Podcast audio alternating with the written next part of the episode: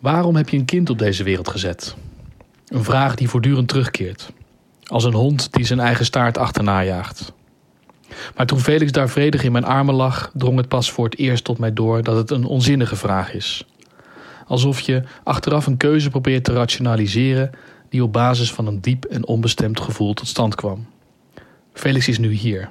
Dat is de realiteit. Wat mij nu rest is de blik vooruit. Want met Felix heb ik de toekomst concreet in huis gehaald. Er is voor mij geen enkele reden meer om die gevaarlijke toekomst terug toe te keren. Wegkijken is geen optie. Ik zal moeten blijven werken aan en dromen over een betekenisvolle toekomst. Dat ben ik hem als vader verplicht. Welkom bij weer een nieuwe aflevering van de Beter Anders podcast. Je hoorde Ruben Jacobs voorlezen uit zijn eigen boek De Eeuw van Felix.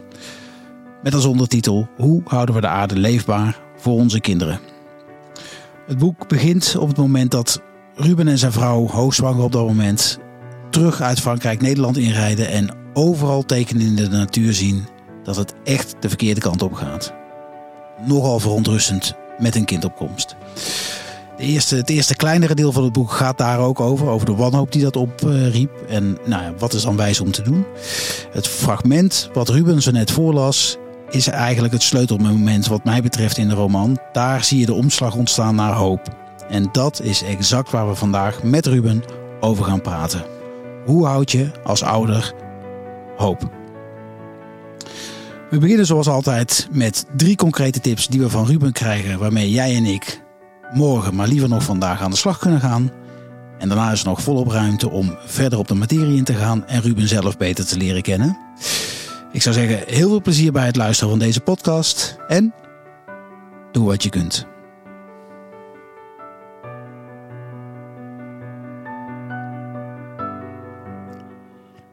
Zo Ruben, daar zitten we. Ja, Net een uh, echt Franse Madeleine uit, uh, uit Bussum zelf uh, gekregen van je. Dankjewel daarvoor nog. Vanochtend vroeg bij de, bij de bakker. Vers hè, echt vers. Ja, smaakt goed.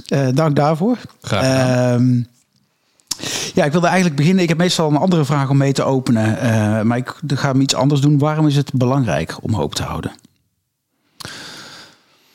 Ja, goede vraag. Um, nou, ik denk dat ten eerste is natuurlijk de vraag dan, hè, ook daaronder die daaronder ligt, is natuurlijk wat, wat is nou precies hoop? Maar daar komen we zo meteen denk ik nog wel even op. Ja. Ik denk dat het toch wel uh, essentieel is voor mensen om een drijfveer te hebben om ja, door te gaan, je in te zetten voor iets. Uh, ook al zijn de vooruitzichten niet, uh, niet bijster goed. En ik denk dat de hoop, wat het ook mogen zijn, dat dat toch um, ja, een soort, soort motor is voor voor, voor handelen. Mhm. En dat, uh, ja, uh, ze zeggen wel, hè, hoop doet leven. Of um, ja, ik, ik denk dat je toch. Uh, er wordt soms wel eens heel kritisch over gedaan. Hè? Van, van hoop is eigenlijk ook een soort, soort opium. Hè? het is eigenlijk een beetje soort, ja, als je hoop hebt, dan dat weerhoudt mensen juist ervan om iets te doen. Want er is toch nog een soort hoop dat het wel goed komt. Mm. Het maakt mensen misschien wel een beetje lui beetje uh, achterover zakken. Uh, maar ja, de, de hoop waar ik uh, met name op gericht ben, is toch veel een actievere hoop. En ja. die, die voortkomt uit, ja, uit handelen. En ik denk dat dat volgens mij een hele belangrijke ja, menselijke ja, emotie is. die we gewoon nodig hebben in het leven om de dingen op te pakken die we, die we zouden willen oppakken. Ja, ja, dus actieve hoop eigenlijk als, als, laten we zeggen, tegengif, zeg maar, tegen als wanhoop je je lam slaat, wat, wat je vaak hoort, is uh, actieve hoop, met name actieve hoop, de weg eruit. Ja, want ja. ja uiteindelijk is wanhoop is, is een emotie die ik denk uh, gezond is en die begrijpelijk is, ook zeker in deze context. Ja. Maar het is niet het eindstation. Uh, want of fatalisme kan ook geen eindstation zijn. Dan, dan het is ja. ook niet echt een leuke manier om in die emotie te leven. Nee. Hè? Los van nee. Uh, nee. wat het doel ook is. Ja. Uh, je wordt daar ook niet, in ieder geval dat is mijn ervaring, je wordt daar niet een leuk mens van om alleen maar in wanhoop en fatalisme nee. weg te zinken. Nee, nou, dat zijn we niet mijn favoriete kroeggenoten, zeg maar. Nee, precies. Of, of stapper, of weet ik wat. Ja. Ja. Teamgenoten. Ja. Oké, okay, dat is wel grappig, want um, um, de afgelopen dagen op weg naar dit uh, gesprek viel er op een gegeven moment iets in mijn hoofd. Ehm, ik heb eigenlijk een soort van... eh, bijna een soort uh, een, een, een hoop methodiek bijna bedacht. Op basis van wat jij me, nou, wat ik in je boek heb gelezen en waar wij het over hebben gehad. Een soort van triple A. Je hebt namelijk afwenden, het niet aan willen kijken. Dat is meer de wanhoop. Het is zo lelijk, ik wil er niet naar kijken. Ik ga me, nou, dan ga je naar de hopium, zoals je het noemt. Tweede A is aankijken. En de derde A is actie. Dus dat is eigenlijk wel een beetje, dat is een beetje Ja. wat, ik- wat ik dacht van, hé, maar dat zit een beetje ook in het boek. Ja, Diezelfde trits. Maar goed, ja dat is een mo- mooie, eh, mooie drietraps. Ja, ik probeer hem even compact te ja. maken, zeg Ja. maar. En, eh, ik, en wel, nou ja, het is bijna te toevallig dat jij dan zegt eh, actieve hoop. Want dat is eigenlijk, dat, dat fragment wat je net voorlas, ging ook over van, van het lelijk vinden naar, nee, dit is het herkennen, aankijken en vervolgens Ja. hoop, actieve hoop in. Toch wat gaan doen, ja. Ja, ja. Nou, we zijn klaar. Zes minuten. Kortste podcast Ja. Ah, Iemand zei dat het heel snel kon. Dus, eh, ehm, nou, voor degene die toch nog iets meer van tips willen, we, ehm, ja, welke tips eh, heb je? Want daar beginnen we altijd mee. Ja, nou ja, dat eh, borduurt voort op wat we net eigenlijk al eh, aan, aan, aantikten of eh, bespraken. Is, is, ja, mijn eerste tip is, begin gewoon met iets. Ga iets doen. Hè. Kijk wat je in je omgeving, eh, wat je aanspreekt, waar je talenten liggen eh, met betrekking tot waar, hoe je zou willen inzetten voor dit eh, grotere vraagstuk van hè, de planeet die, die ehm, drastisch aan het veranderen is. Ehm, dat zou mijn eerste tip zijn. Denk er niet te lang. Je hebt, je, hebt, je hebt geen hoop nodig om in actie te komen. Het is andersom. Andersom, je moet hè? actie ondernemen om die hoop op te wekken. Eigenlijk. Ehm, Dus ja, je hebt geen garanties nodig van, oh ja, dit is zinvol. Van eh, al- al- als ik dit doe, heeft het dan zin? Dat hoor ik ook heel vaak, ook bij studenten vaak eh, die ik heb. eh, en dat weerhoudt ze van om überhaupt iets te doen. Het heeft mij ook heel lang weer- weerhouden om bijvoorbeeld in een moestuin te gaan werken. Omdat ik altijd dacht, ja, maar wat gaat dat nou? Gaat dat opleveren? Ja. ja. En terwijl ik eigenlijk heel erg wel die behoefte voelde. En toen dacht ik op een gegeven moment, ja, waarom heb ik dan sowieso de garantie nodig dat iets zinvol is om het überhaupt te ondernemen? ja. Als de activiteit op zichzelf al heel zinvol is eh, en, en menselijke verbinding aangaat en dat soort zaken. Dus toen dacht ik, ja, ik moet volgens mij minder met dat soort dingen bezig zijn en gewoon iets gaan beginnen en kijken wat dat oplevert en wat dat met mij doet.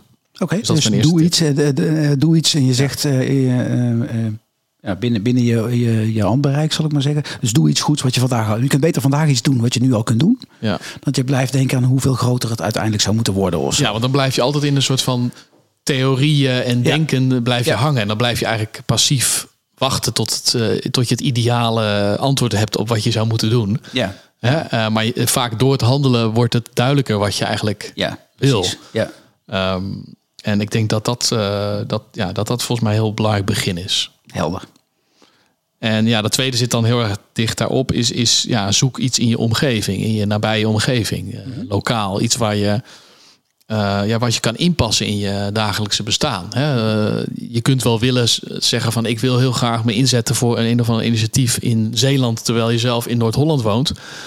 Ja, dat is natuurlijk heel moeilijk in je dagelijkse praktijk i- ja, gewoon in te voeren. Omdat gewoon de afstanden en het reizen. En dat, eh, dus dat wordt hem dan niet. Dat wordt dan niet duurzaam, niet, niet volhoudbaar. Ja. Dus, dus ja, kijk vooral echt in je nabije omgeving van waar kan ik iets bijdragen? Wat spreekt mij aan?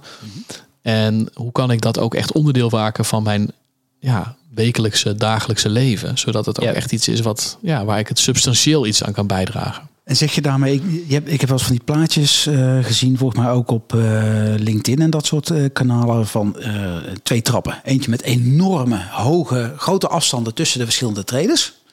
En eentje met hele kleine trapjes, kleine, hele kleine stapjes. Dat jij, valt hij daarin? Ja, ik, ik, ik denk dat dat de, de juiste metafoor is. Van Ja. moet die, ja, die trap treden of ja, die drempel, hè, zoals we het ook wel eens noemen, moet Ja. je niet te groot maken. Ja. Want dan is het, ja, dan, dan, dan begin je er eigenlijk nooit aan. Want dan is altijd die Ja. ja. initiële soort van Ja, en- hapering. En eigenlijk is dat misschien een iets nog betere metafoor voor de eerste tip die je gaf. hè. Hou het, eh, hou het klein, de stappen die je zet. Zet liever een kleine stap vandaag dan eh, door blijven denken. Maar je zou hem ook kunnen vertalen als je haalt je, eh, je eten eh, van dichterbij. En dan kun je denken, ja, bij de Albert Heijn, dat is bij mij om de hoek, dus dat is dichtbij. Maar als daar dan op staat dat hij uit, ik noem maar wat, Zuid-Amerika komt, hè, of, eh, terwijl we ook appels in Nederland hebben, Ja. daar kun je ook eh, keuzes in maken. Hè. En Je kunt het ook lokaal bij de boer halen. Daar zijn genoeg voorbeelden van. Ja, ja en daarin, daarin, daarin is het natuurlijk ook wel, en dat is vaak een barrière voor mensen, is dat dat dan hè, ja, praktisch gezien Ja. veel tijd kost om Ja. al, hè, van hoe maak je dat dan handbaar, eh, eh, gewoon Ja. werkbaar. Eh, ja, ik heb dan het geluk dat ik in het dorp waar ik nu woon eh, achterkwam dat ze hier een voedselgemeenschap hebben, de Groenteclub. En dat is een club waar, ehm, ja, waar je elke week bestelt via een website. Van, hè, het, gaat, het volgt de seizoenen. Dus eh, eh, nu is er iets minder aanbod dan in de zomer. Maar nog steeds heb je best wel wat groentes en ook wat fruit. Ehm, en daar doe je dan een bestelling op dinsdag altijd voor 9 uur 's ochtends. En dan op vrijdag heb je altijd de, tussen 1 en 3 is het ophalen bij een, de imkervereniging hier. Eh, daar hebben ze de uitdeel. Oké. En daar haal je dan je groentes op in de tas. En die neem ik dan mee, fiets met de fiets. En dan heb ik weer voor eigenlijk de komende week, eh, of twee weken soms wel, hebben we in ieder geval al heel wat groentes en fruit. Hebben we Ja, gewoon. precies. Allemaal biologisch, Ja. En ook allemaal vanuit allemaal lokaal. hier in een cirkel rondom. Ja, in, de, Deze ja, in de plaats. cirkel van, eh, laten we zeggen, 20, 30 kilometer of zo. Ja. En, ehm, en dat is heel overzichtelijk. Dat is ook gewoon, dat, dat, dat, dat systeem werkt goed. Je weet gewoon, elke vrijdag weet ik gewoon ergens tussen 1 en 3 moet ik altijd Ja. met, met, met Felix, mijn zoontje dan, want die heb ik dan. Ja. Gaan we even langs fietsen en dan Ja. halen we die, die, die boodschappen op. En ehm, ja, en dan, dan, hè, dan wordt het ook een ritueel. Eh, het wordt echt onderdeel van je dagelijkse bestaan. Hè? Dat weet je gewoon op vrijdag. Het is ook een leuk. Het is ook een leuk uitje gewoon. Want je kent die mensen op, inmiddels ook. En het is ook het idee dat iedereen om de ze- zes weken zelf een vrijwilligers ehm, ja, diensten draait. Dus, Ja, precies. eh, Maar dat is dus allemaal vrijwilligers Ja. gebaseerd. Dus gewoon de, de, de, kracht van mensen die Ja, iets belangrijk vinden allemaal- en daarna handelen. het zijn allemaal mensen die hier wo- wonen in het dorp of in de omgeving. En die ehm, is ongeveer tien jaar, eh, tien jaar geleden begonnen door iemand eh, twee straten hier verderop. Een vrouw die wilde graag biologisch eten, maar dat vond ze te duur in de supermarkt. Oh ja. En toen op een gegeven moment eh, was er een boer in ehm, Flevoland die eh, uit frustraties vanwege het niet kunnen verkopen van zijn biologische aardappelen, aardappelen midden op de dam had eh, ja, laten ja, Bezorgen. bezorgen. Ja. Van, uit, uit soort pro- protest van, Ja. hè, Ja. ik heb hier biologische aardappel van onze grond. Mhm. Maar ja, het systeem werkt zo dat ik, daar, dat ik ze niet kra- kwijtraag. Omdat ik moet concurreren met veel goedkopere ehm, eh, industrieel eh, ehm, eh, ja, ge- ge- opgewekte aardappelen. Uit andere landen ook vaak nog. En, ehm, en zij zag dat en zij is toen op een gegeven moment ja, met hem in een soort van in zee gegaan. En Ja. inmiddels is dat een soort van uitgegroeid tot een ja, directe handel tussen een aantal boeren Ja. en de burgers, consumenten. Oh. Waardoor de prijs gewoon eigenlijk redelijk overeenkomt met de supermarktprijs. Ja. Soms goedkoper zelfs. Cool. Oké, tip 3. Ja, drip, tip drie wat mij betreft is wees niet te puristisch. In de zin van wees, eh, accepteer dat je als mens ehm, ja, niet perfect bent. Dat je ehm, ook soms inconsequent bent. Dat je soms dingen doet die niet helemaal in overeenstemming zijn met je idealen. Hè, ehm, maar laat dat niet een reden zijn om dan te zeggen van ja, dan, dan maar niet. Hè. Eh, ehm, het is een beetje vergelijkbaar als je zegt ik stop met roken en af en toe maak je een foutje. Eh, is niet de reden om dan meteen weer helemaal te gaan roken. Ja, is precies. gewoon te accepteren, je hebt een foutje gemaakt en dat gebeurt en je gaat gewoon weer verder. Ja. En zo is het eigenlijk ook met duurzaam proberen te leven. Ik ben ook niet perfect. Ik doe ook nog steeds sommige dingen die niet helemaal passen, vind ik eigenlijk in ja, wat ik zou willen nastreven. Maar ik accepteer bij mezelf van, oh ja, ik kan beter inconsequent het goede doen dan consequent het foute. En, Oh ja. en, en, en ik denk ook dat dat een belangrijke boodschap is, ook voor ook ten opzichte van mensen die altijd ja, eh, hameren op dat als je dan idealistisch bent, Ja, dat dat, je dan ook zijn. perfect zou moeten zijn. Ja. Waardoor je altijd dat hypocrisie-argument krijgt. Ja, maar jij doet nog steeds ook een keer. Je hebt ook een keer gevlogen of je hebt een keer Ja. vlees gegeten of wat dan ook. Ja, Ja. ja, oké, ja, dat is waar. Maar dat wil niet zeggen dat, dat ja, de, de inspanning die jij doet en, en, en, en, en de intenties die je hebt, en eh, dat die niet helemaal zuiver meer zouden zijn. Ja, of dat Als je af- überhaupt waar is wat je zegt. Bedoel, Kijk, vliegen, je kunt best eens een keer moeten vliegen om wat voor reden dan ook. Uh, die is, heel simpel, mijn zoon die gaat binnenkort naar ehm, Vietnam en, en andere landen daaromheen. Stel dat hem daar wat overkomt. Ik, ik heb hem voorgenomen, ik ga niet vliegen. Maar als hem daar wat overkomt... Nou, ja, dan zul je wel. ja. Ja. Ja. Ja, ja, Dan is dat wel de weg. Nee, dat is het zo. En ik heb zelf nu... Uh, ja, wij zijn al sinds, sinds ons zoontje geboren is met, met vliegen gestopt. Uh, um, eten vegetarisch. Nou, dus dat waren al best uh, stappen. Ja? En die heb je in één keer genomen, dat vegetarisch? Ja. Nou, dat was wel een proces, dat vegetarisch. Ja, dat was wel steeds, uh, steeds, steeds, minder. minder eigenlijk. En inmiddels is dat wel echt uh, onderdeel. En ik steeds heel af en toe eet ik nog eens een keer vlees hoor. Het is niet dat ik nooit aanraak. Maar in principe ben ik vegetarisch. Ja, dan heb je geen recht van spreken meer. precies. dan gaat je verhaal. Ja, daar ga ik al. Uh, precies. En, uh, maar bijvoorbeeld wat ik nu heb is van ja, we zijn net terug van wintersport. Uh, mm. Ja, ik ben al van jongs af aan ga ik regelmatig op wintersport. Ik ben echt, echt, ik ben echt een bergliefhebber mm. in alle seizoenen, maar ook absoluut. als ik mijn snowboard sta, dat vind ik gewoon geweldig. Ja. dat vind ik het allerleukst. Maar ja, ik zie nu ook wel van steeds meer. Ja, daar zitten ook wel hele ja, uh, problematische kanten aan die wintersport. En los van dat er steeds minder sneeuw valt en dat we nu afgelopen keer ook zagen van hoe dramatisch dat was, dat heb ik ook weer met blote ogen gezien. Ja. Maar ja, dan zie je dus dat er ook allerlei pogingen zijn om dan met kunstmatig sneeuw uh, dat aan te vullen, om hogere gebieden te gaan zitten. En dat heeft ook allemaal impact ja. op het klimaat, maar ook op de omgeving daar. Ja, dat ik toch steeds meer zit te worstelen van ja, kan ik hier nog mee doorgaan? Uh, maar dan loop ik ook weer aan tegen dat ik ook dat het ook een familietraditie is van mijn hmm. vrouwskant. Waarin die familie, die wonen niet allemaal in Nederland. Dit is het moment dat ze elkaar altijd zien. Hè? Dus ga je dan daar. Weet je, dus dat soort dingen spelen dan ook altijd een rol. Het is niet altijd zo. Eh, alleen maar te maken met eh, wel of geen goed gedrag. Het zit ook allemaal weer verweven met allerlei andere zaken die waar je niet allemaal zelf allemaal de hand in hebt. Of in ieder geval ja, dat je daar ook ja, interpersoonlijke aspecten zitten. Die, ja, nou ja, ik denk dat het heel herkenbaar is. De, de, tip, uh, wees een beetje coulant, zeg maar. je hoeft niet perfect te zijn. Alles, elke stap die je vooruit zet, telt. En daar zit er ook eens een keer hè, op, op X vooruit, ook eens een keer eentje terug uitzet. Ja, prima. Je gaat nog steeds vooruit. Precies, en ik denk dat het dan wel belangrijk is van het moet niet zo zijn dat je zegt van oké, dat je helemaal jezelf. Nee, precies. Uh, hè, maar je moet wel, je moet wel enige soort strengheid tegenover jezelf zeggen, maar je mag ook accepteren dat het soms niet goed gaat en dan hoef je niet meteen uh, uh, ja, het op te geven of zo. Nee, precies. Juist niet. Nee. Oké. Hey, en um, wat hoop je te bereiken als je mag dromen? Met wat je aan het doen bent. Je hebt natuurlijk dit boek geschreven. Er is een volgend boek over onderweg. Komen we straks nog even op.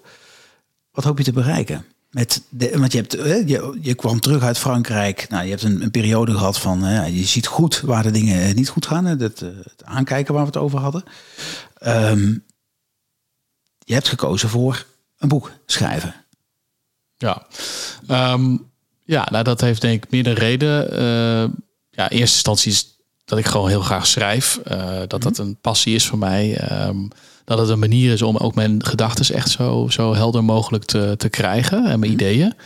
Um, het is een manier van communiceren natuurlijk met anderen. En het is ja, mijn poging, zeker met dit boek, maar ik denk dat dat met het volgende boek ook zo is, is ja, zoals ik ook heel erg kan genieten van een goed boek, wat mij helemaal meeneemt in de, in, in de wereld van die schrijver, die, die, die, die voor mij of zij of hij voor mij opent. Mhm. Dat, ja, dat je dat, dat een hoop dat dat voor andere mensen ook zo je eigen boeken dat, dat kunnen bewerkstelligen. En daarmee ook hun eigen zoektocht, hun eigen verhouding tot de wereld kunnen veranderen, kunnen ontwikkelen en verder kunnen verbeteren.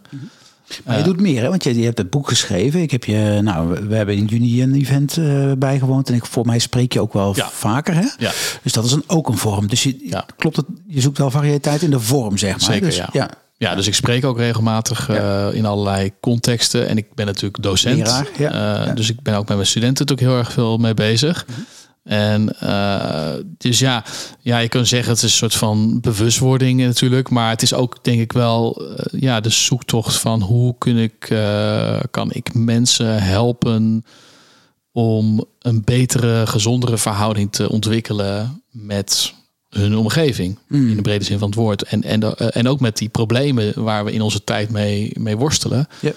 Die natuurlijk behoorlijk ook drukken op ons, op, op, op ons gemoed. Hè? Want het, is niet, uh, het is niet niks waar we in terecht zijn gekomen, laat nee. ik zo zeggen. Dus nee. het is. Uh, en hoe reageer je als? Want je, je, je, je bent docent inderdaad. Um, Hoe reageren leerlingen op jouw activiteiten? Want je boek is vorig jaar verschenen. Uh, nou, ik heb het idee dat je steeds uh, meer zichtbaar bent op LinkedIn, maar ook uh, steeds ook iets, iets duidelijker in je uitspraken wordt, zeg maar, waar je vindt dat het naartoe zou moeten gaan. Hoe reageren jouw studenten daarop? Um, ja, wisselend natuurlijk. Ik bedoel, er is niet echt één uh, manier waarop ze erop reageren. Studenten zijn natuurlijk ook echt heel, heel verschillend. Ze hebben echt een eigen achtergrond en zo. Um, maar ja, ik heb. Wat ik wel merk is dat studenten, zeker de huidige generatie, um, natuurlijk heel erg wel bewust is van mhm. de problemen. Omdat het natuurlijk afgelopen jaar zoveel ook op hun is afgekomen. En ze zijn echt in die jaren opgegroeid, volwassen ja. en volwassen geworden is um, ja, dat, dat je steeds meer ook wel een vorm van ja, uh, cynisme misschien, of pessimisme in ieder geval. Van ja, oh, joh. Um, ja, weet je wel, uh, ik word een beetje de generatie die uh, alle ellende over zich heen krijgt, uh, gevoel. Hè? en dat verschilt natuurlijk wel per student. Um, maar dat is wel een verschil met hoe mijn generatie opgroeide. Dus ik ben echt nog begin millennial. En dat was echt nog ja, een beetje zo rond de eeuwwisseling. Alles kan. Ja, dat, toen kwam 9-11.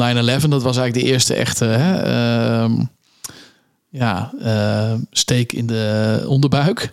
Uh, maar verder ja, was het een nog redelijk positieve sky is the limit-achtige tijdperk. Dus dat was heel veel optimisme en, en, en luchtigheid en hoop. En gewoon, ja, ja het komt allemaal, goed, komt allemaal wel goed. En we, we hebben een goede toekomst voor ons liggen. En dat is voor deze generatie echt anders. Dat is heel erg in die toch een redelijk korte tijd omgedraaid.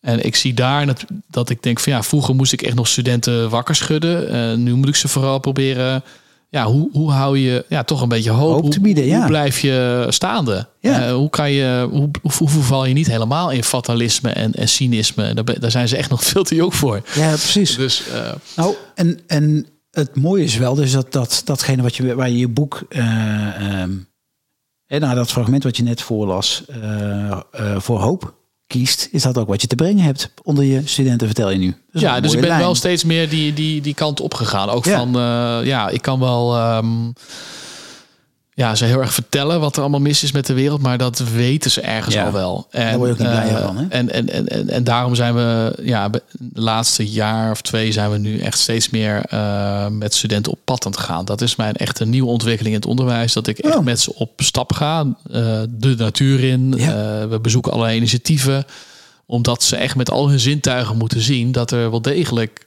allerlei mensen bezig zijn aan een andere ja. wereld. En, en, en, en, en dat, ja, dat is ni niks krachtigers dan dat. Dan, dat je het met eigen ogen en, en zintuigen Ja. ziet en voelt. Mhm. En ik denk eh, ook die verbinding die je kan ontwikkelen door juist die rouw dat die wereld aan het veranderen is en dat het, sommige dingen gaan verdwijnen. Mhm. En dat onze manier van leven misschien niet heel lang meer zo houdbaar is. Dat, ja, dat is aan de ene kant pijnlijk natuurlijk, want we zijn er ook een beetje aan, aan verknocht geraakt. Ja. Aan de andere kant kan je zeggen van ja, was dat nou de beste wereld denkbaar waar we in leefden? Er waren ook wel heel veel mis mee. En was Ja. ook misschien wel heel. Ja, als je in de koker wel- kijkt wel, maar als je het, het geheel overziet, Ja. eh, duidelijk niet. Daar schrijf je in je boek voor mij ook iets over. Hè? In de zin van de, de, de, de, de welvaart die wij hier in het Westen hebben. Die roven we weg uit andere delen. En of, dat heb je in de voorbeeld niet geschreven, eh, maar of uit de, uit de toekomst. Hè? Want we Ja. teren gewoon in Ja. op de voorraad. Dus Zeker, eigenlijk, eh, al het brood wat je vandaag te veel eet, haal je of uit simpel gezegd eh, Afrika of Zuid-Amerika weg. Of uit het brood Ja. wat jouw kind over vijf jaar of tien jaar of twintig jaar, Ja. als jij het niet meer bent, moet kunnen eten. Nee, dat is in die zin. Is dat ja, echt boven onze stand leven. Ja. Eh, Ja. Ecologische stand, om het maar zo te zeggen. En ook, ook menselijke. Want ja, er zijn heel veel mensen ook die, die ja, te lijden of te dupe zijn van, van onze enorme exorbitante welvarende leefstijl. Ja.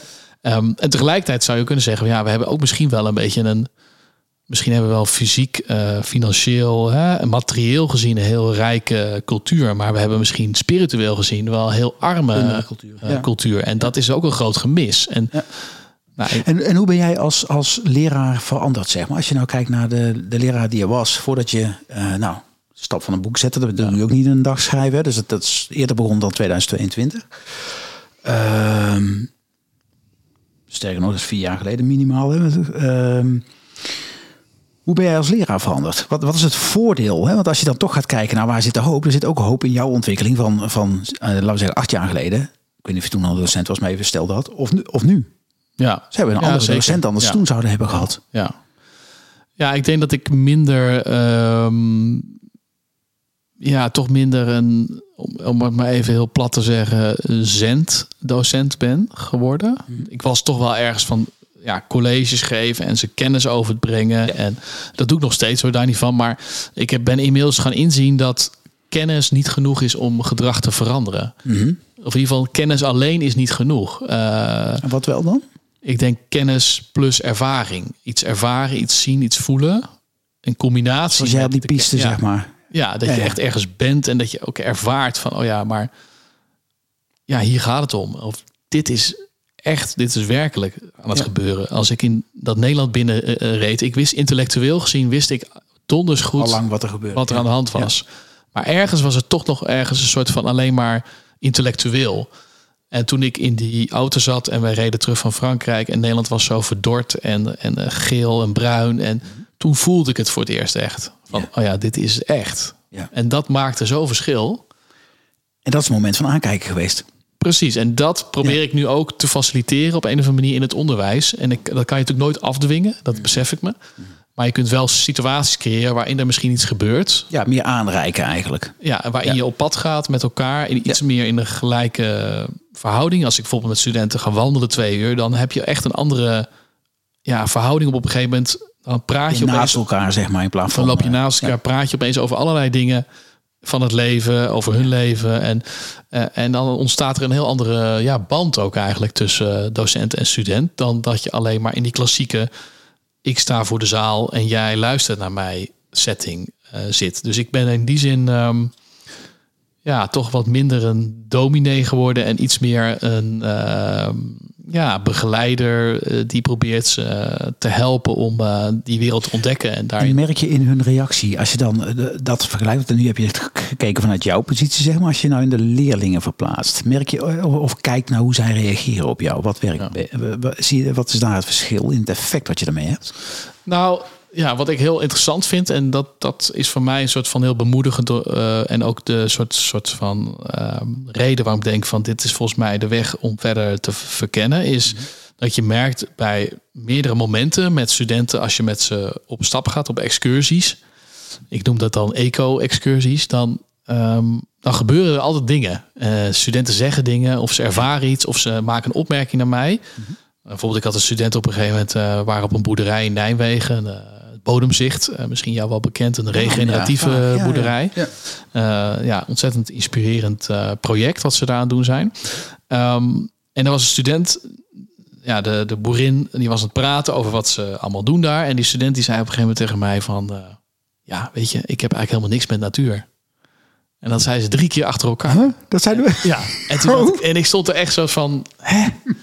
Maar ja, wat dan? Dat zei de boerin zelf. Nee, nee, nee. Dat Oh, zei een student. tegen Oh, mij. Ja, ik dacht al, ja. Nee, dat is nog steeds Dat zei een student Maar, tegen mij. En eh, terwijl die boerin aan het praten was. Ja. En ja, ik werd een beetje overvallen door die opmerking. Want ik Ja. dacht, ja, wat moet ik hierop zeggen? Weet De dominee stond al eh, op de kant. Ja, ik dacht, dat is belangrijk. Ja. Ja, dus ik dacht, ja, weet je, maar ik kan, nu- ja, ik kan er nu natuurlijk wel gewoon een weerwoord gaan geven of zo. Maar ik moet begrijpen waar dit vandaan komt. Wat bedoelt ze nou eigenlijk te zeggen? Ja.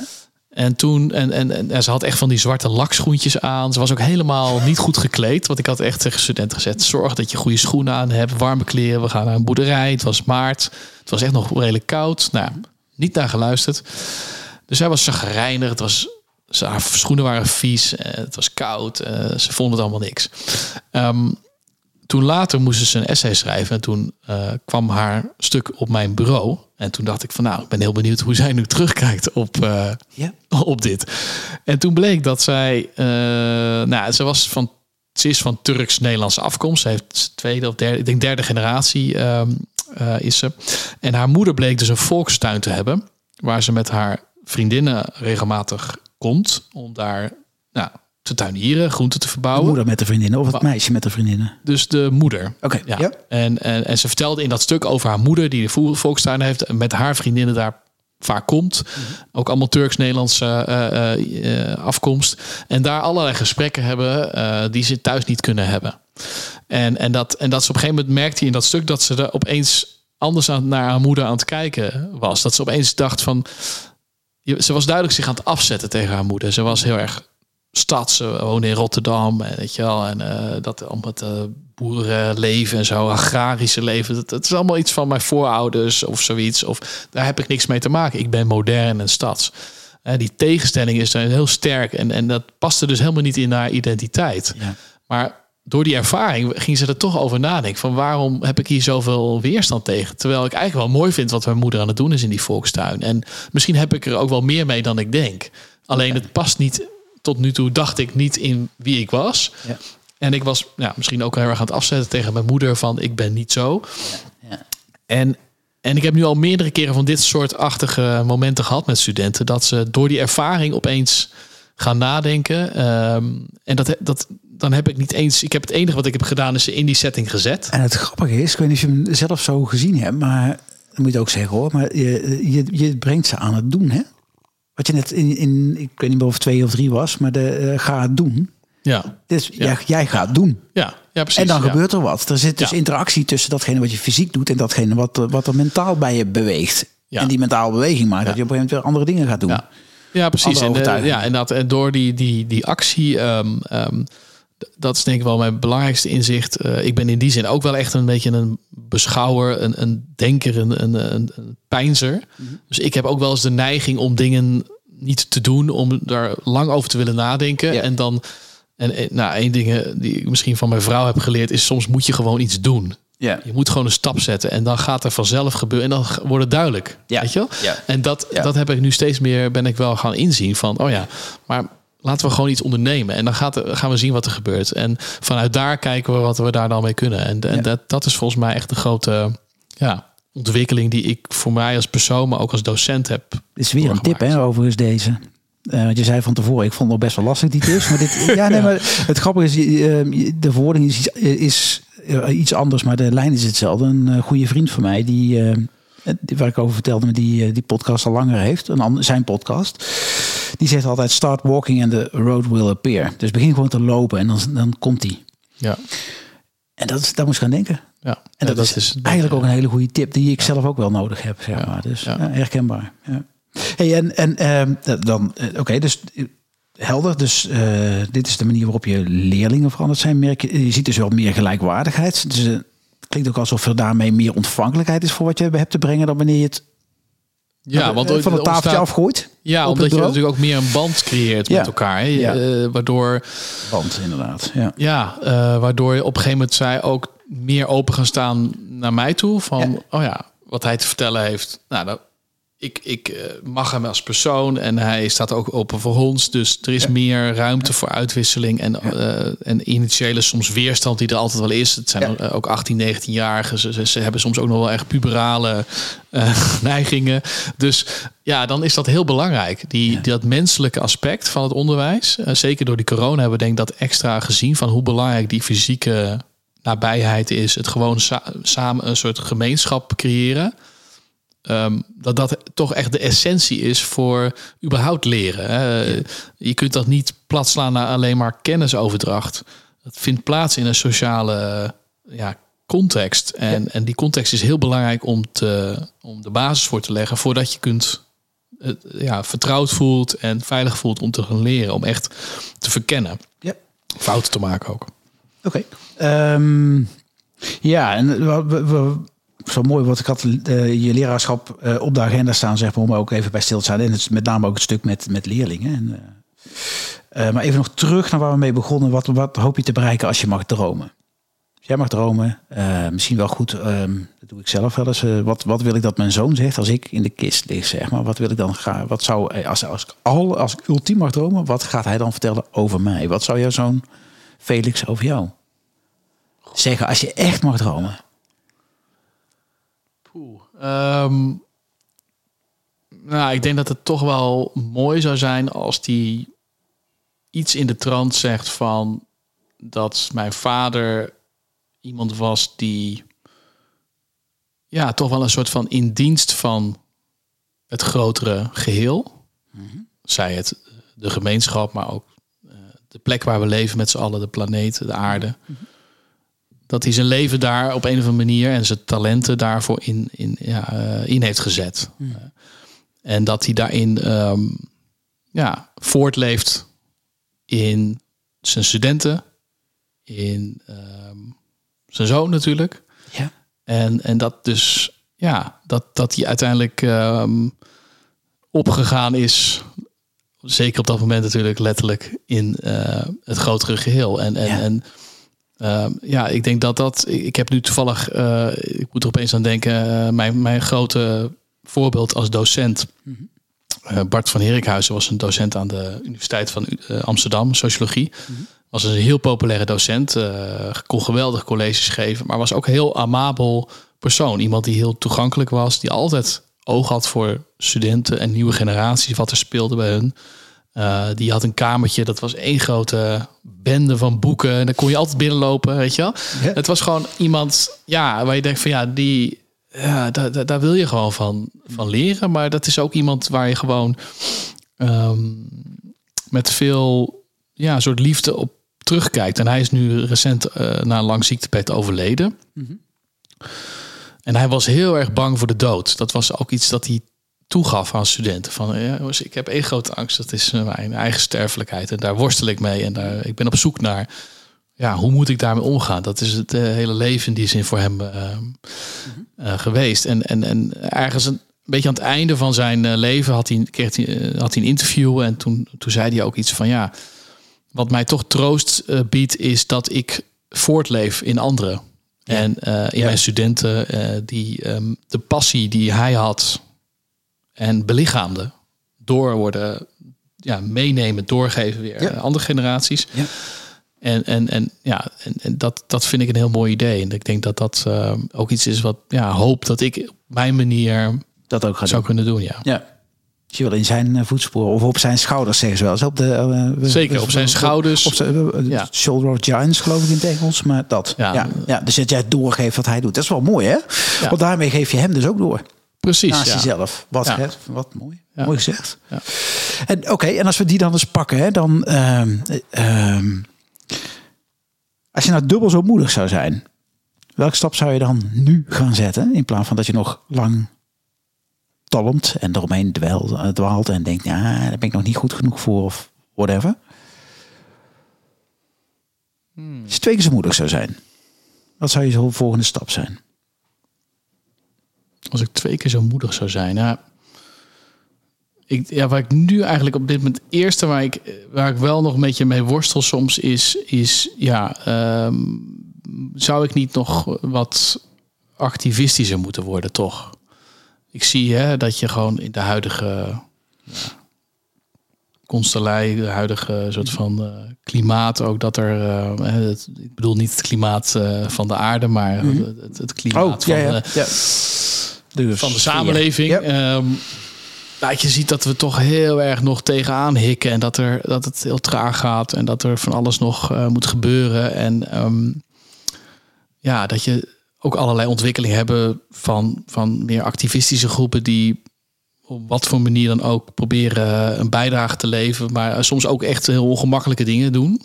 Dat vind ik wel soms moedig. Ik denk van ja, het is echt niet, je maakt jezelf er echt niet populair mee. Om eh, nou ja, jezelf vast te lijmen of weet Ja. ik veel wat. Iets te blokkeren of zo. Eh, en soms dan denk ik wel eens bij mezelf, ja, ben ik het niet toch nog mezelf iets te makkelijk aan het maken? Zou ik het wat ongemakkelijker moeten maken? Of is dat misschien dan toch niet mijn rol hè, uiteindelijk? Waar zit de hoop, zou ik vragen. nou ja, ik denk dat je wel soms, soms eh, kan je soms wel iets door, door bepaalde acties natuurlijk wel iets in beweging zetten. En dat kan natuurlijk ook in een lokalere context, hè, van, van binnen mijn onderwijs of zo bijvoorbeeld. Denk van ja, daar kan ik me ook soms heel erg opwinden over hoe eh, mijn onderwijsinstelling soms op sommige vlakken ook nog steeds heel traag is en maar niet wil echt wil stappen maken. Dan denk ik van ja, moet ik daar niet toch wat Ja.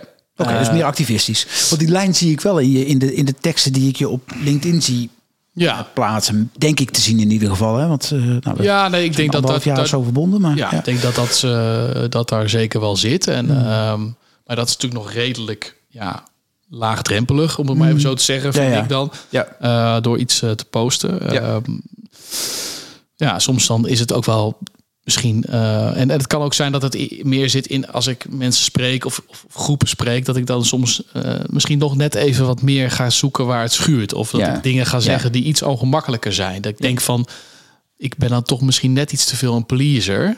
Eh, dat ik denk van wil mensen eh, graag meekrijgen, wil ze niet verliezen. Ja, maar, maar- is dat niet een beetje te streng als ik het vragen mag? Want uiteindelijk, als je kijkt naar de ontwikkeling die je als docent hebt doorgemaakt, van eh, vertellen, van de zender naar, naar de, de, de, de gesprekspartner. Eigenlijk ja, wat jouw grote voorbeeld, sorry dat ik niet zo goed in namen ben, maar die deed het ook meer op gelijkwaardigheid. En daar zie je dat er dat een weg is die veel meer beweging brengt. Dat is ook zo. En dat, Ja. dus, dus het is ook een beetje een soort van. Ja, het is misschien een meer een stemmetje wat ik nog wel eens in mijn hoofd heb van. Ja, ja eh, moet ik dat toch niet doen? En, Ja. en, ehm, ehm, maar ja, ik, dat is het eerste waar ik nu aan denk. Eh, Ja. f- Helder.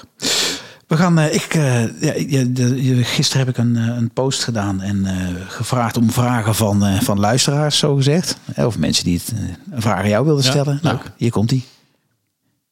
Ruben, ik zou heel graag van jou willen weten wat jouw lievelingsplek is op deze mooie aarde en wat vind jij daar?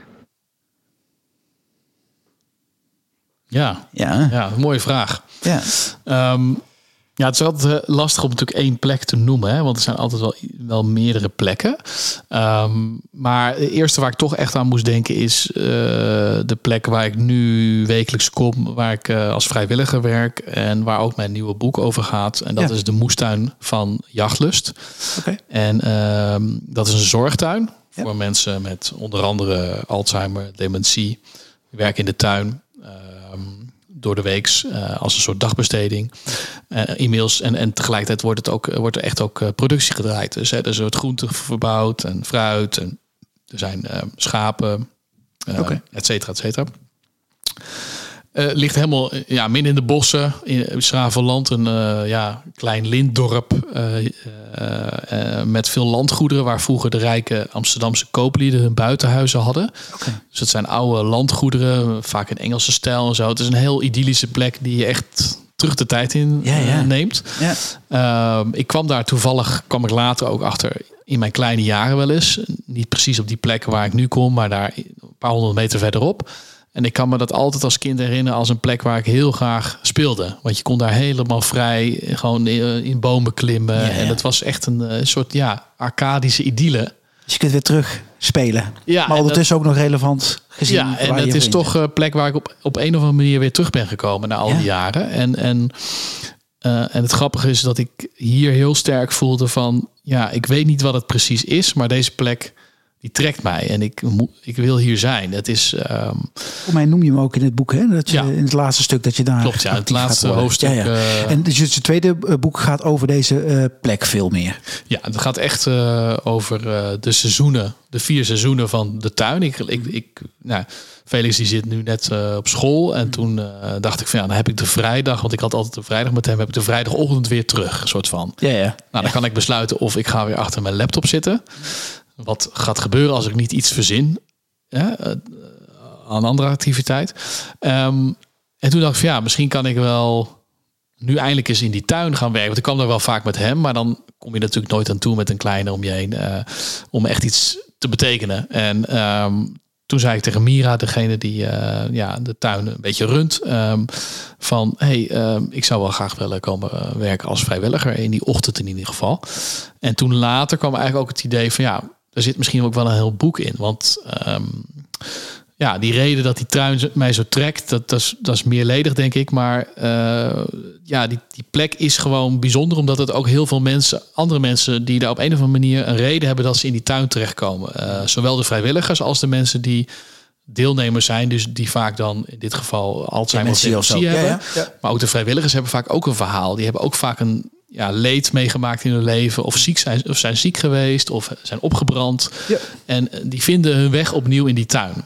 Ehm, ehm, en ja, dat boek, het idee is van het boek is dat ik de vier seizoenen ga Gaan volgen. volgen, en beschrijven. En, ehm, en tegelijkertijd ook ja, wat vertel over de geschiedenis van die plek. Want die plek is een, het is een historische moestuin die al in de, uit de 17e eeuw stamt.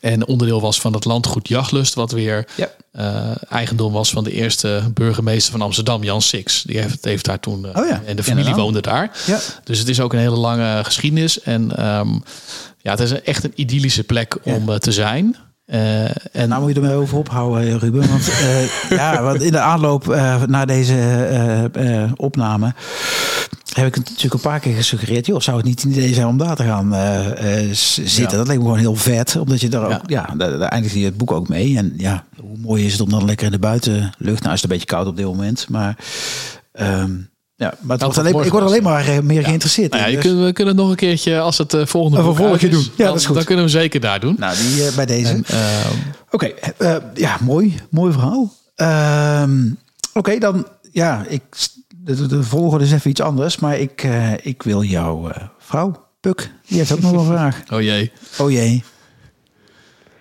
Hoi Ruben. Wat ontroert jou het meest in je ouderschap? Even een slokje hoor. Die mag er nog één. Ehm, wat ontroert mij het meest in mijn ouderschap? Ik denk, ja, toch het opgro- zien opgroeien van een, ja, een mens, een wezen, voor je ogen. eh, van alle momenten, dus echt van dichtbij. Ehm, met de wetenschap dat jij hetzelfde pad hebt bewandeld. En dat jouw ouders dit ook van jou hebben gezien Oh, mooi. is eh, wat ik wel. Ja, een, een van de dingen die ik heel ontroerend vond, is dat ik ook mijn, an- mijn eigen ouders heel erg anders ben gaan bekijken als ouder. Omdat ik opeens een blik kreeg die ik daarvoor nooit had, die ik misschien wel theoretisch kon voorstellen, maar echt. Maar die stond je aan dezelfde kant van het hek, zeg maar, te kijken. Ja, en dat ik aan de ene kant mijn eigen jeugd aan het herbeleven ben in zekere zin soms. En ook weer terug, ja, soms krijg ik wel flashbacks van, van mijn eigen jeugd, wat ik helemaal vergeten was. Van, oh ja, maar dit, dit heb ik ook doorgemaakt. Of, of, of dit herken ik nog wel. Of, eh, en tegelijkertijd zie ik mijn ouders anders. Want ik zie opeens van hoe het voor hun was om, ja, om een kind te moeten op zien groeien en, en, en alles wat erbij hoort. Kind dat met regelmaat onvindbaar was, heb ik eh, van je moeder begrepen. Ja, dus dat, eh, dan denk ik ook van... Dat zij beter op jou krijg dan jij op hun. Ja. Nu krijg ik de rekening, want die van mij heeft ook wel denk ik die neiging. Ehm, ja, en ik denk dat dat, dat wel, vind ik heel ontroerend op een of andere manier. Dat, dat, dat ja, die, dat soort die kringloop, hè, die Ja, de, ja. de, de circle of life, zoals ze dat de corny zeggen. Maar ehm, ja, dat vind ik toch wel heel ontroerend. Ik denk van, dat Ja. is toch heel mooi om mee te maken. Ja.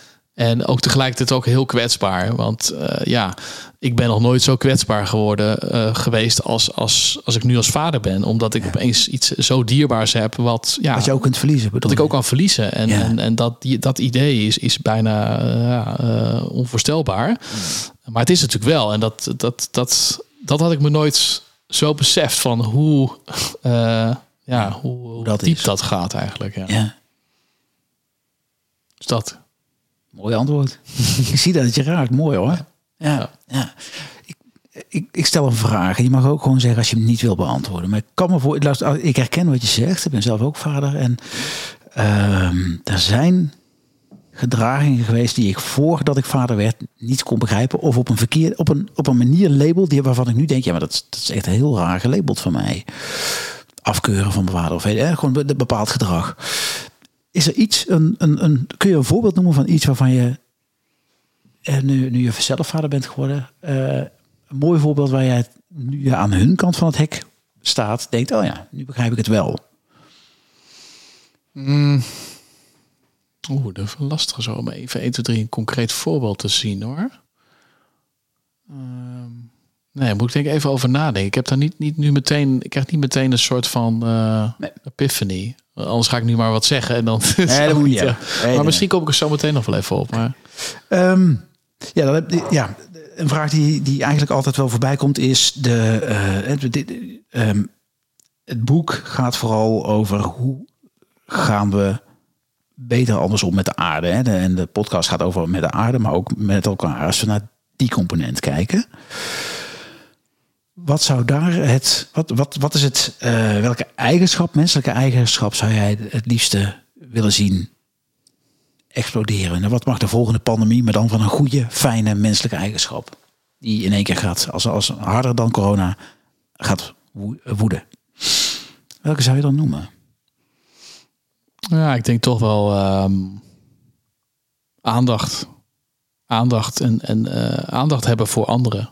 Ja. Dus en echt luisteren naar anderen. Ehm, dat is iets wat ik wel echt uit de tuin ook eh, leer van de zorg voor anderen. Gewoon alleen al de, ja, de- dat doen, dat is al zo essentieel. Dat iemand jou ziet, Eh, on- ondanks dat je ziek bent eh, of langzaam eh, je geheugen verliest. Of eh, aan het reïntegreren bent of wat dan ook. Of gewoon iemand bent die zoekende is. Weet je wel? Zoals ik eh, was toen in die tuin kwam. Ook, ik was niet ziek of zo, maar wel zoekende in mijn leven. Dat iemand aandacht aan je geeft. eh, je ziet, je aankijkt. ehm, tijd voor je heeft. Ja. Ja, het is eigenlijk heel simpel. Ik denk dat dat volgens mij iets is wat ik denk van dat, dat is het meest. eh, Een van de meest essentiële dingen van mens zijn. ehm, die in onze ja, drukke, snelle, hypercompetitieve samenleving natuurlijk heel erg onder druk is komen te staan. Dat is een hele mooie. Want ik, ik weet nog in je boek, en ik vertaal het even in mijn woorden, hè, nou, daar stond iets van, eh, dat ging over postgroei dan. Hè, dus nou ja, dat, dat, dat is een van de mogelijkheden, zeg maar, die veel genoemd wordt. Ik, mijn eigen mening laat ik even achterwege, maar de, ehm, dat het eigenlijk wordt daar vooral naar gekeken vanuit verlies. Dan raken we kwijt de rijkdom die we hebben, dan raken we alles wat je kwijtraakt. En dat de, de, een persoon, jij weet de naam waarschijnlijk zo, ik niet, eh, maar dat het belangrijk is om dat soort om die beweging, of welke beweging ook, vooral te vertalen naar een taal van verlangen in plaats van een taal van verliezen. En je kunt dus zeggen, ik ga verliezen door één dag in de week in een, een moestuin te gaan werken. Want ja, dan kan ik me niet declarabel maken en noem maar op. Dat verlie- Dat verlies je zou je kunnen zeggen. Maar het verlangen is dat je in de natuur werkt. Het verlangen is dat je in meer naar elkaar gaat luisteren. En jij ook meer gaat luisteren. Ja. En je doet daar weer, nou letterlijk verhalen op, want je gaat een verhaal schrijven. Ja, nee, dat, dat, dat, ja, ik, daar sluit ik me helemaal bij aan. Eh, Ik denk dat dat heel belangrijk is. Dat, je, dat we.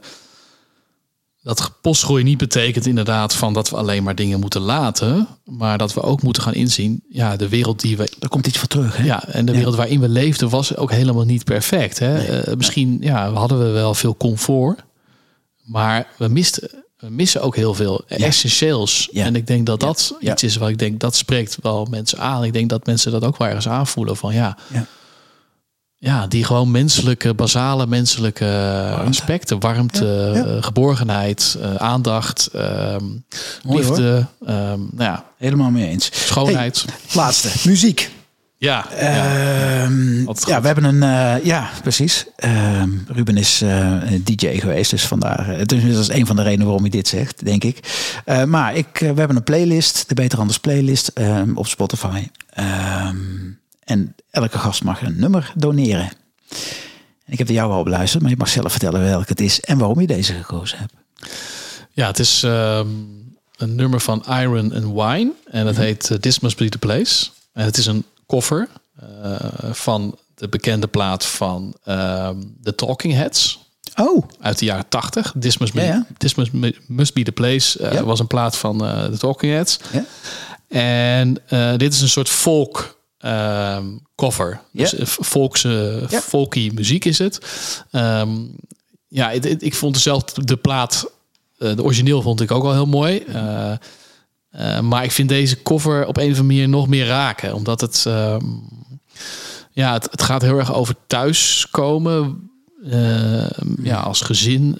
dit, dat, ja, dat gevoel dat wij hebben met onze hond en, en Felix. En eh, wij zeggen ook altijd bij dit nummer: dit, was, dit, was ons, dit is ons Felix-nummer. Oh, Eh, dus dat echt? was een beetje Oh, ja. waarom ik dacht: van ja, dat Ja. moet het toch worden. ja. Omdat dat op een of andere manier Ja. ja, eh, dat gevoel heel erg weet te vangen van dat ehm, die warmte, die geborgenheid die we hebben gekregen ook sinds hij er is, die toch iets anders was dan wat we daarvoor hadden. Ook al was er toen ook al veel liefde en geborgenheid, maar ja, dan word je opeens een gezin met een kind erbij en dan ontstaat er iets anders dan wat je daarvoor als eh, stel, stel hebt. Ja. Ehm, en tegelijkertijd ook het zoeken naar een plek om, ja, om hem te laten opgroeien en om te aarden eigenlijk. Ja. Eh, en Ja. dat is ook iets wat natuurlijk eh, heel erg in, de zoektocht naar het boek zat en, en, wat ons hier heeft gebracht. Vet. Ik was van plan om een, een, te af te sluiten hele andere dan ik normaal doe. Maar uh, dat, nou, dat is ook goed. Nieuwe dingen proberen. Ehm, maar ik wil jou eigenlijk vragen of je dit stuk wilt lezen. Het laatste alinea van je boek voordat het dankwoord komt. En even voor de luisteraars. Ik vind met name de slotzin prachtig. Um, zij heeft er een heel boek over gedaan, maar toen had hij een goede zin. Zou je kunnen zeggen. Ja, ja. Nou, leef je uit. Ja. Soms duurt het even? Ja. Um, Oké, okay, komt hij. Uh, waar zal hij van dromen als hij ouder wordt? Van verre sterren en planeten? Van andere zonnestelsels? Van Mars? Wellicht. Maar het tegenovergestelde is ook heel goed denkbaar. Dat hij terugkijkt op onze generatie en zich afvraagt waarom sommigen van ons in godsnaam zo geobsedeerd waren met een plek die zo onleefbaar is en ver weg als Mars. En niet onbelangrijk, waarom wij waren opgehouden met de dromen over onze eigen planeet. Die laatste. Waarom wij waren opgehouden met het dromen over onze eigen planeet. Van hoe we hem ook zouden kunnen maken. Precies. Super mooi. We gaan afsluiten. Uh, ja, ik heb de mensen die ik gesproken heb, je zus, je moeder en je vrouw, gevraagd of ze nog een persoonlijke boodschap voor jou hadden. En die hebben ze. Lieve Ruben, ik wil jou complimenteren met jouw mooie boek, De Eeuw van Felix. Volgens mij inspireer je uh, veel mensen daarmee. In ieder geval uh, hoor ik heel veel mooie feedback van collega's, vrienden die jouw boek hebben gelezen en aan het denken zijn gezet. Um, nu je nieuwe project, je nieuwe boek, waar ook vrijwilligerswerk bij om de hoek komt kijken. En um, ik ben onwijs benieuwd hoe dit boek gaat zijn. Het zal nog even duren. Ik wens je heel veel succes en ik ben heel erg trots op je. Doei! Dat was je zus. nu het woord ja. aan je moeder. Lieve, Ru Lieve Ruben, ik waardeer het zeer in je dat waar je over schrijft, ook in de praktijk kennis mee wilt maken. Zo zit je niet alleen op je zolderkamer in boek te schrijven, maar werk je al jaren daadwerkelijk mee met Mira op haar biologische zorgboerderij en sta je met je pootjes in de klei. Ik wens je heel veel succes met je nieuwe boek. Zo moeder dat, hè? Pootjes in de klei. Ja, Goed. typisch. En als ja, laatste, mooi. je vrouw. Lieve Ruben, wat ik zo enorm aan jou waardeer... is je optimistische zoektocht naar hoop in een ja, steeds duister wordende toekomst. Um, en dat maakt dat ik je ook de allerbeste vader vind voor onze zoon.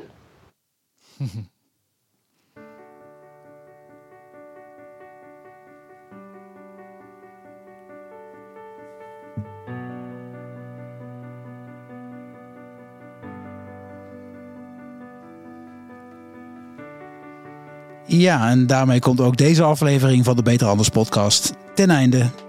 Ruben, super bedankt voor je, uh, ja, je mooie verhaal, je mooie tips uh, en een fijn gesprek. Uh, luisteraar, mocht jij nou na het luisteren van deze podcast toch nog een vraag hebben aan Ruben of aan mij, of mocht je denken, ik weet nog wel iemand anders die, die ik graag in de podcast voorbij zou willen zien komen met zijn mooie verhaal, stuur dan een mail naar ludo.beteranders.nl. En uh, voor nu zou ik zeggen, heel veel plezier. Ga lekker aan de slag met de tip of tips die voor jou goed passen, waar je mee uit de voeten kunt. En uh, tot de volgende keer.